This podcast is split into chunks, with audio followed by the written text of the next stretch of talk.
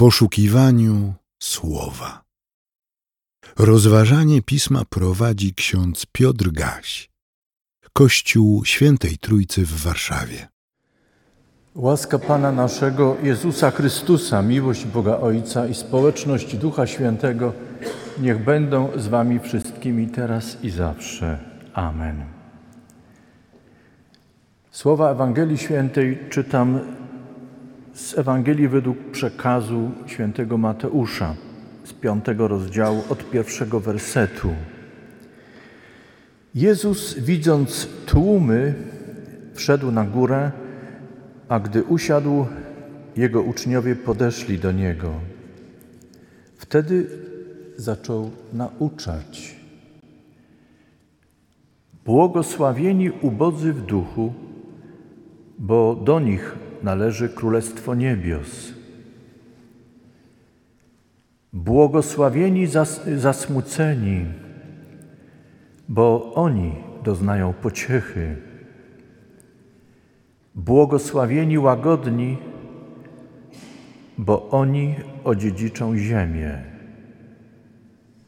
Błogosławieni głodni i spragnieni sprawiedliwości, bo oni zostaną nasyceni.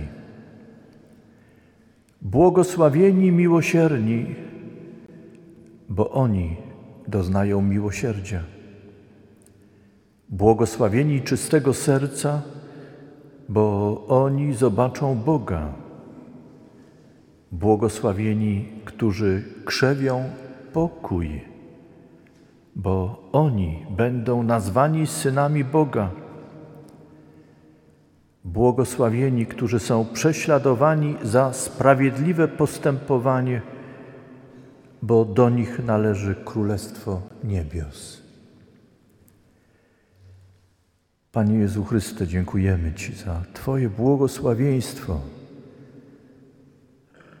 Prowadź nas w duchu Twoim, abyśmy ten dar błogosławieństwa mogli i chcieli przyjąć dla Twojej chwały na świadectwo światu i nam ku zbawieniu. Amen.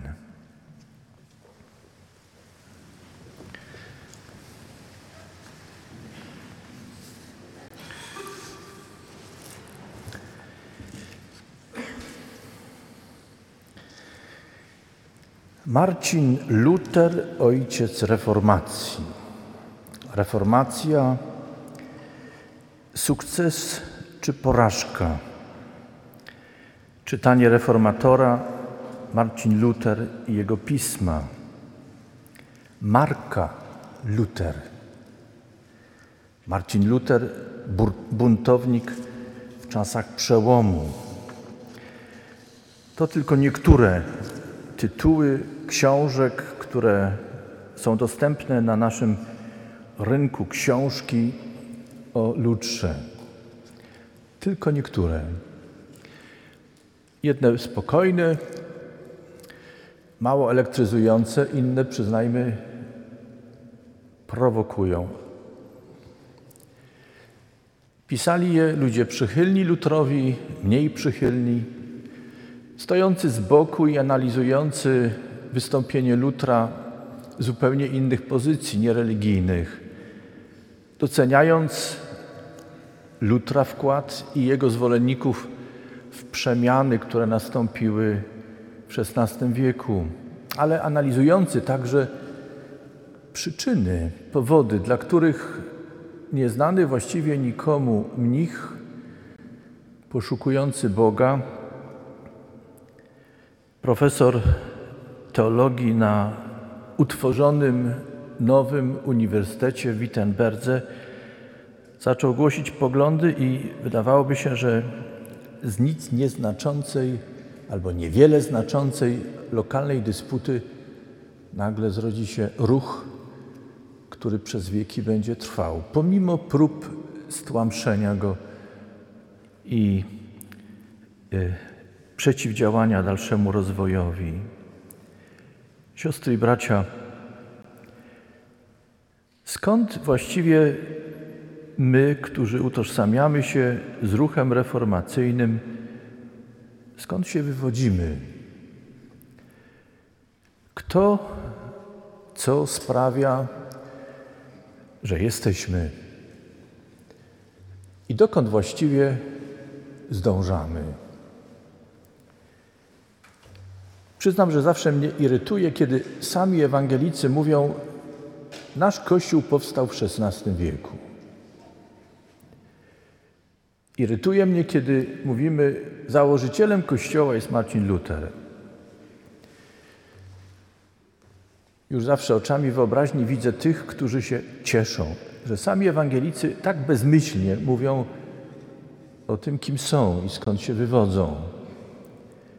Bo przecież Marcin Luther nie zakładał kościoła, nie tworzył kościoła.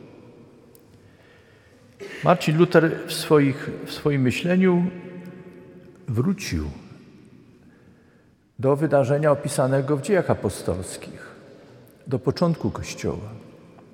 Dostrzegł w nim, że Kościół zaistniał na tej ziemi jako lud Boży z mocy i woli Boga, który przez swego Ducha Świętego, działającego w Słowie, także tym podawanym w znakach, w sakramentach, sprawił, że lud ożył, czuł się zawołany głosem Boga.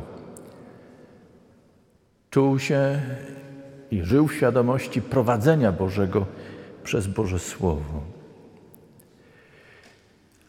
Reformatorowie sięgali do początku i powinniśmy mieć tego świadomość, że nasz początek jest w pierwszym wieku chrześcijaństwa. Jesteśmy ludem Bożym, który odwołuje się i buduje swoją wiarę, swoją nadzieję i żyje w miłości kształtowanej przez naukę Chrystusa, podawaną przez Jego apostołów. To jest nasz początek. Dajemy temu wyraz między innymi w tym wyznaniu wiary, które dzisiaj wypowiedzieliśmy. Dajemy temu wyraz w całej liturgii ewangelickiej, która zachowała wszystkie części nabożeństwa starochrześcijańskiego. Dzięki temu w samej nabożeństwie możemy dawać wyraz jedności i łączności z całym Kościołem Bożym na ziemi. Nie potrzebujemy akceptacji innych dla naszego istnienia. Tego nieraz było brak. Prześladowania nie zgasiły tego, co było wiarą, zaufaniem do Boga, co było trwaniem w nadziei i co było miłowaniem Boga z całego serca, myśli, duszy, siły swojej i miłowaniem bliźniego jak siebie samego.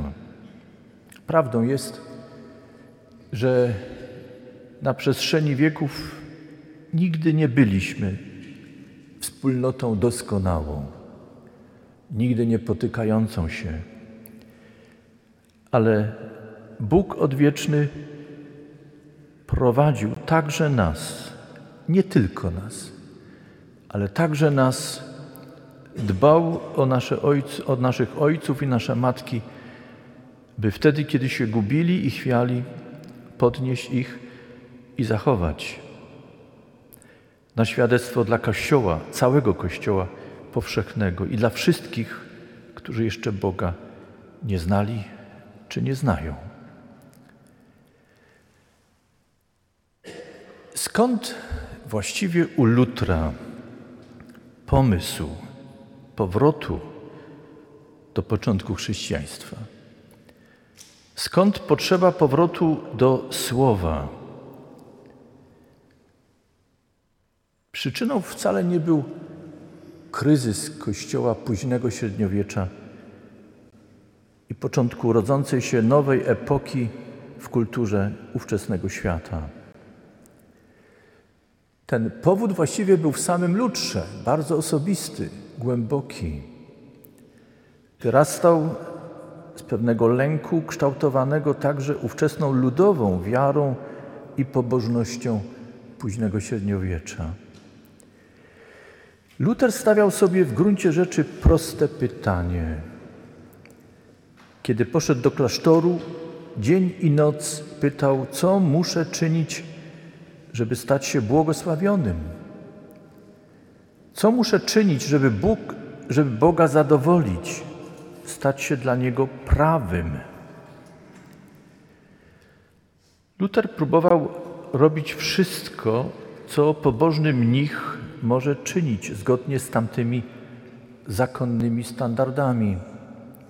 Pościł, upokarzał samego siebie, dawał z siebie wszystko, co najlepsze, ale tego, którego szukał, w tych praktykach nie odnajdywał. W dalszym ciągu łaknął i pragnął dotknięcia łaskawego Boga, by mógł doznać pokoju w Bogu. Tak było do czasu, kiedy sięgnął do listu do Rzymian. W tymże liście przeczytał między innymi słowa, które już dzisiaj słyszeliśmy i inne. Przytoczę niektóre zdania. Sprawiedliwy z wiary żyć będzie. Wszyscy zgrzeszyli i brak im chwały Bożej i są usprawiedliwieni darmo z łaski Jego przez odkupienie w Jezusie Chrystusie, którego Bóg ustanowił jako ofiarę przebłagalną przez krew Jego. Gdzież jest Twoja chluba? Wykluczona. Uważamy bowiem, że człowiek bywa usprawiedliwiony przez wiarę, niezależnie od uczynków zakonu. Tyle cytatów z listu do Rzymian. Siostry bracia,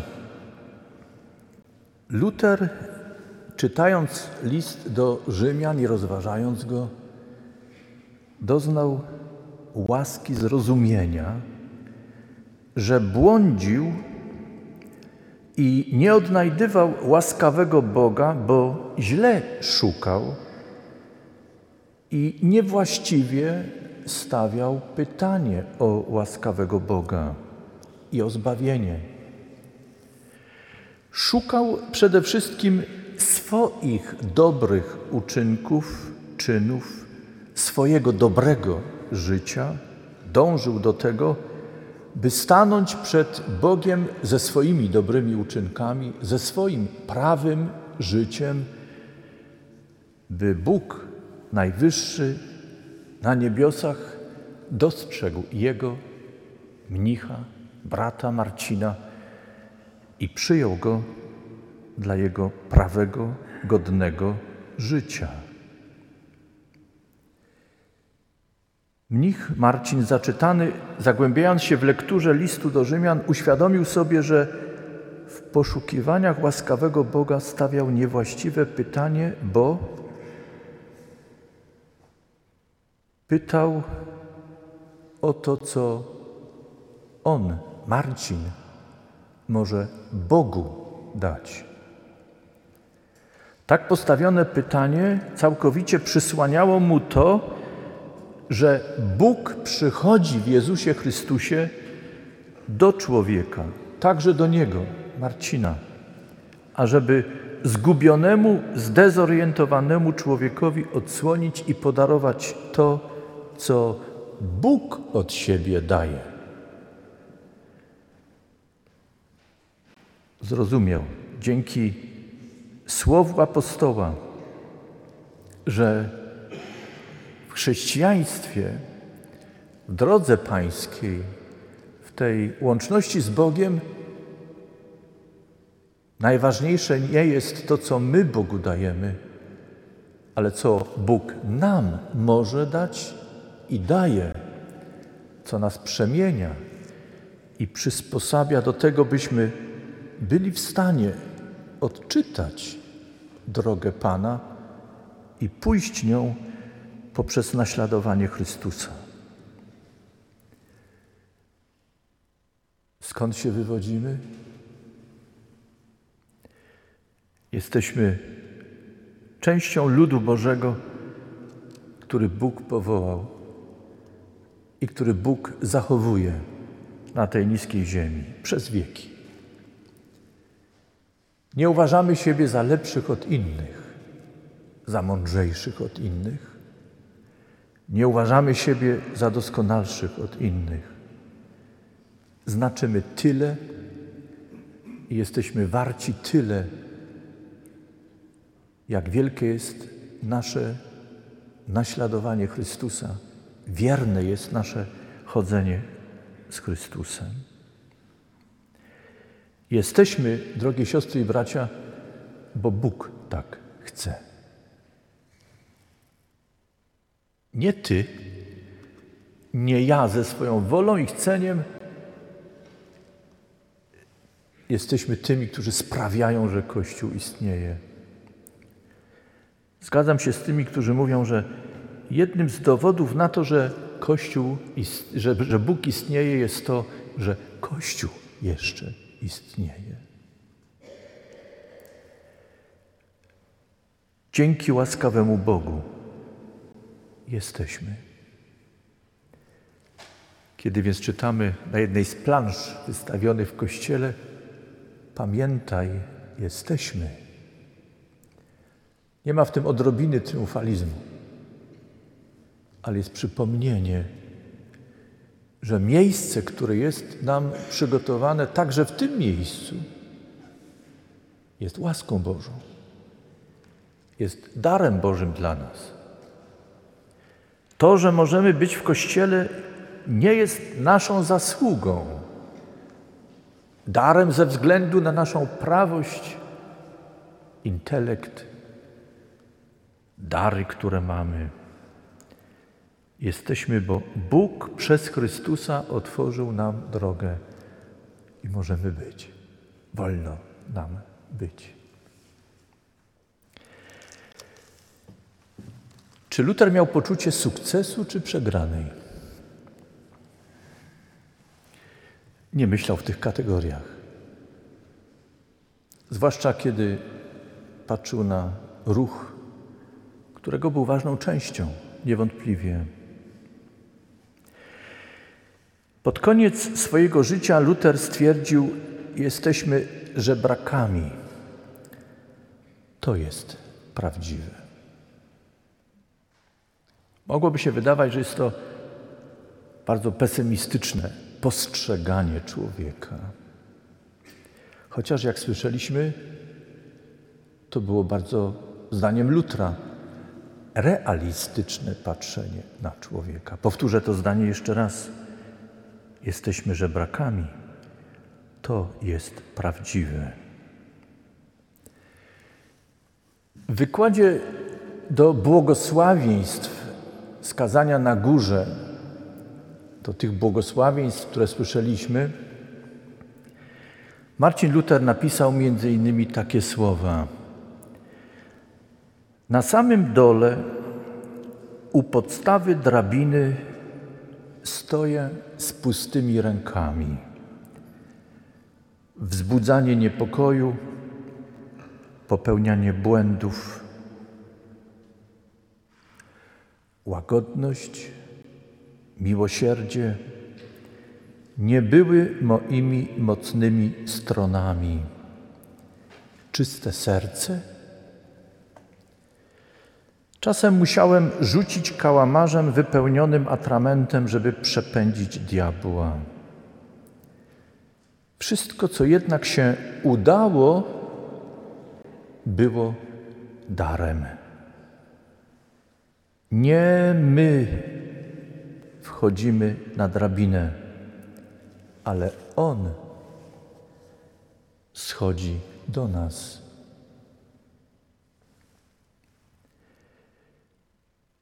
On schodzi do nas i opowiada nam o udanym, spełnionym, szczęśliwym życiu. Siostry i bracia, Kazanie na górze, do którego dzisiaj sięgamy, w tym świątecznym dniu, uznawane jest przez zdecydowaną, przytłaczającą większość teologów, chrześcijan za kwintesencję nauczania Chrystusa. W minioną niedzielę poprzez tekst starotestamentowy patrzyliśmy na Abrama, Abrahama. Przypomniałem, że Abraham jest ważną postacią jako ojciec wiary i wzór zaufania do Boga w trzech tradycjach religijnych: w judaizmie, w chrześcijaństwie i w islamie. Żyjąc w naszym stuleciu, patrząc na świat, który znowu przeżywa, czy znalazł się w czasie przełomu i zdecydowanie nasilonych konfliktów pomiędzy kulturami, religiami, wyznawanymi wartościami. Świat żyjąc w zagrożeniu z powodu różnych kryzysów, także związanych ze zniszczeniem stworzenia, zadaję sobie pytanie, ku czemu zdążamy? Wielu oczekuje od religii światowych odpowiedzi. Wielu nie znajdując tam odpowiedzi, szuka nowych źródeł albo buduje swój świat eklektyczny, w którym próbuje łączyć te najmądrzejsze i najlepsze wartości tworzone w różnych systemach. Przyznajmy, my, chrześcijanie, czujemy się czasem zdezorientowani i zagubieni. I pytamy, jak ja, jak Ty możemy na nowo odkryć łaskawego Boga, doznać tego dobrego poruszenia wskutek działania Jego ducha, tak byśmy odnowieni i przemienieni w naszym myśleniu bez triumfalizmu, ale w pokorze, w cichości, wzbogaceni w duchowe dary przez Boga, mogli stanąć w tym świecie i być dobrymi świadkami Chrystusa. Jak odnaleźć te właściwe kroki, słowa, myśli, by Bóg mógł się też do nich przyznać, uznać je za swoje i błogosławić nam. Siostry i bracia, potrzebujemy wrócić do Chrystusa, który jest obrazem Ojca Niebiańskiego, na obliczu którego rozpoznajemy niewidzialnego Boga. Potrzebujemy wrócić do Chrystusa, nie tylko tego, który był nauczający, kiedy go wszyscy słuchali, ale także wtedy, kiedy był odtrącony i wzgardzony z powodu śmierci krzyżowej, do takiego Chrystusa również, ukrzyżowanego, mamy wrócić, by rozpoznać w nim wyciągniętą rękę Bożą i zbawienie, które Bóg nam daje. Czytaliśmy w liście do Rzymian, że to On, Jezus Chrystus, Jego ofiara została uznana przez Boga jako przebłagalna ofiara za grzechy nasze. I nie dla naszych uczynków jesteśmy zbawieni, ale dla Chrystusa.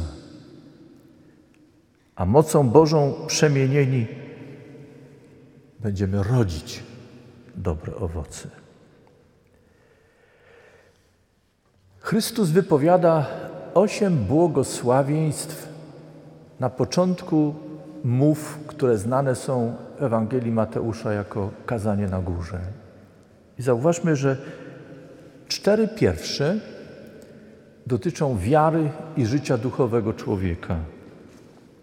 Czytamy: Błogosławieni ubodzy w duchu, zasmuceni, łagodni, głodni i spragnieni sprawiedliwości. Cztery kolejne błogosławieństwa dotyczą czy odnoszą się do naszego działania, do naszego postępowania. Błogosławieni miłosierni, czystego serca, krzewiący pokój, znoszący prześladowanie za sprawiedliwe postępowanie. Błogosławieństwo czy błogosławienie traktujemy bardzo często jako życzenie. I bardzo często, wracając do błogosławieństw wypowiedzianych przez Chrystusa, a przekazanych nam przez ewangelistę Mateusza, czytamy ten tekst jako rodzaj życzeń, zapowiedzi ze strony Chrystusa. Ale siostry i bracia, te słowa Chrystusa o błogosławieństwie są czymś więcej.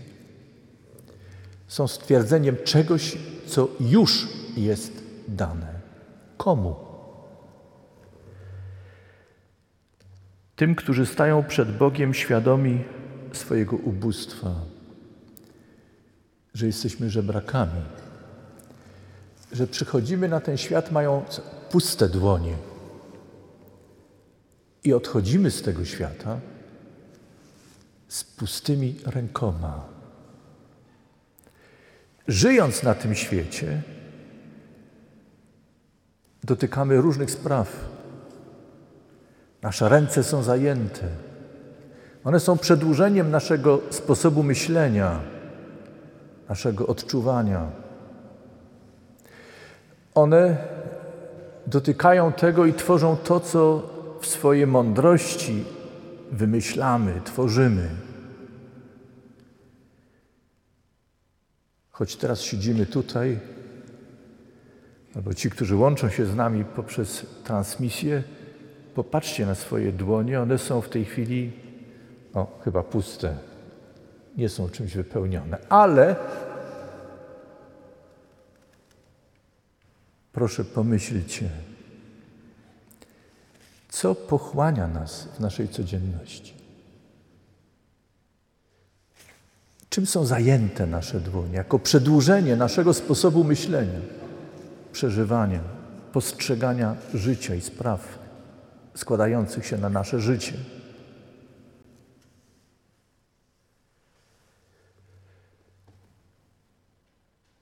Pomyślmy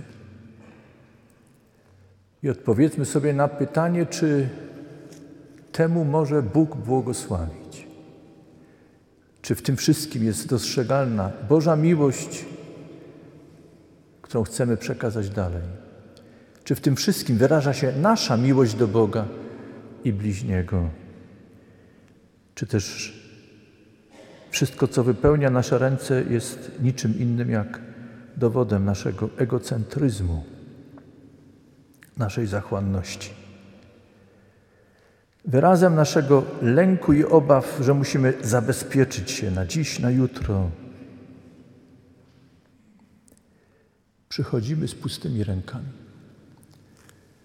i odejdziemy kiedyś z pustymi. Z czym staniemy w takim razie przed Bogiem? Że brakami jesteśmy. To nas smuci. Ale cieszy nas to, że Bóg, mówiąc nam o tym, że jesteśmy ludźmi, którzy zdani są na Jego łaskę, nie upokarza nas, ale podnosi do godności dzieci swoich. Cieszy nas. W Nim, w Bogu mamy nasze pocieszenie. Łagodni. Jesteśmy łagodni?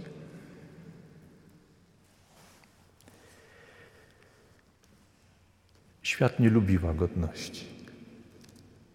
Mówimy świat. Ale zwróćcie uwagę, że tak naprawdę chodzi o każdą i każdego z nas. Drapieżna atmosfera, agresja, przekonanie, że łagodność nie popłaca, to wszystko sprawia, że potrzebujemy dzisiaj tego przypomnienia Chrystusa.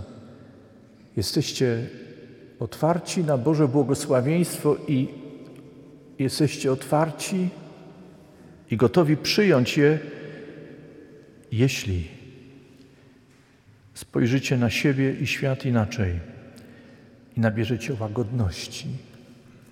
Będziecie łagodni jak Chrystus. Łagodność nie oznacza nijakość. Zauważcie, że Chrystus czasem się gniewał, wyrażał swój gniew, ale nie przekraczał, jak mówimy czasem, czerwonej linii. Gniew zawsze był u niego wyrazem troski o dobrą sprawę. Ale nigdy ta łagodność, wyrażana także w zagniewaniu, nie stawała się szkodą dla człowieka, do którego przyszedł. Pragniemy życia z Bogiem, prawości, o której Chrystus mówi? Czy jesteśmy głodni i spragnieni takiego właśnie życia? To ciekawy obraz.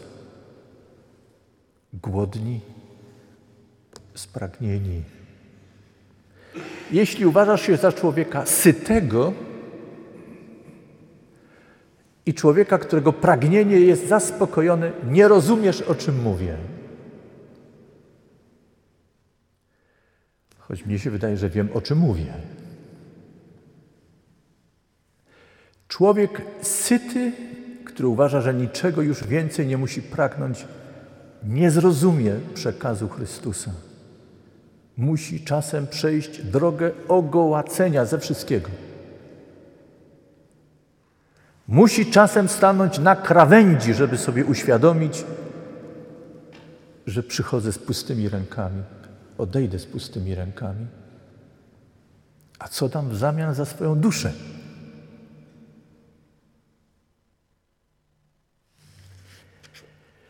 Bóg nie jest przeciwko Tobie. W Chrystusie stanął po Twojej i mojej stronie. Nie pragnie zguby nikogo z nas. Tak Bóg umiłował świat, że swego Syna jednorodzonego dał, aby każdy, kto w Niego wierzy, kto Go przyjmie, miał życie wieczne. W Chrystusie jest nam ogłoszony Bóg łaskawy, a idąc za Nim, za Bogiem objawionym w Chrystusie mamy być miłosierni. Pokój krzewiący, czystego serca, to znaczy czystych myśli, Chrystusowych myśli. I mamy być gotowi na to, że świat wyśmieje nas, znienawidzi, tak jak Jego wyśmiał i znienawidził nie uznał tego, co Chrystus przyniósł. W introicie śpiewaliśmy dzisiaj nie wstydzę się Ewangelii Chrystusowej, to znaczy nie wstydzę się tego, co Chrystus przyniósł i co ogłasza całą swoją drogą, całym sobą. Rzeczywiście nie wstydzę się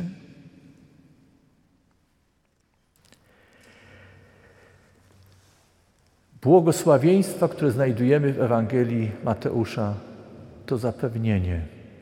Chcesz życia szczęśliwego? Chcesz doznawać błogosławieństwa? Zrób krok wiary. On przypomina niejako rzucenie się w przepaść. Nie, to nie jest przepaść. To jest droga, którą Chrystus chce prowadzić i chce otworzyć przed nami świat, który jest inny od tego, który znamy. Ale żeby go odkryć, trzeba pójść drogą Chrystusową. Jeśli wspominamy dzisiaj Lutra, to nie dlatego, że widzimy w nim herosa, ale widzimy w nim kogoś, kto jako jeden ze świadków i ludzi Kościoła. Był gotów wbrew wszystkim i wszystkiemu, odnajdując Boże wskazanie, przyjąć je i pójść za Chrystusem. Daj nam, Panie Boże, taką odwagę i rozwagę, pokorę, cichość, gotowość, by pójść Jesteśmy żebrakami, to jest prawdziwe, ale Bóg nas podniósł z naszej nędzy i uczynił dziećmi swymi. Jesteśmy więc dzięki Bogu, dzięki Jego darom, najbogatszymi na tej ziemi. Amen. Przyjmijcie życzenie pokoju.